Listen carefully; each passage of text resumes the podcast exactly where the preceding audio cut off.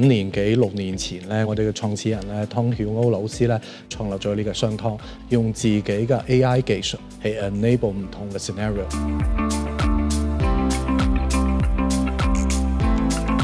到今時今日咧，所有嗰個行業都要適應呢個新常態啦。無論係部分生意你要變咗 online 啦，仲有咧即係話你用誒咩方法可以喺後疫情時代咧提升自己嘅效率？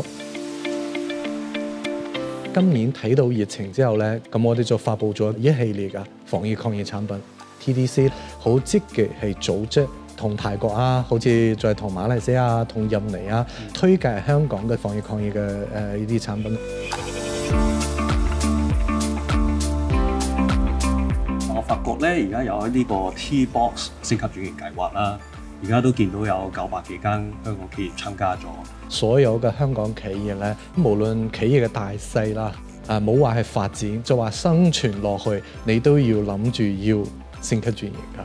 T-box 呢個計劃，咁我哋自己都有參與其中啦譬如 webinar 啊，有工作坊啊，有一對一咧介紹香港企業俾海外嘅市場亞太地區到中東，譬如越南啊。啊，或者係啊，阿聯酋啊等等地方都係我哋好 focus 嘅一個新市場啦。咁我希望可以透過 Keybox 咧，可以幫手係揾到啲真嘅合作伙伴。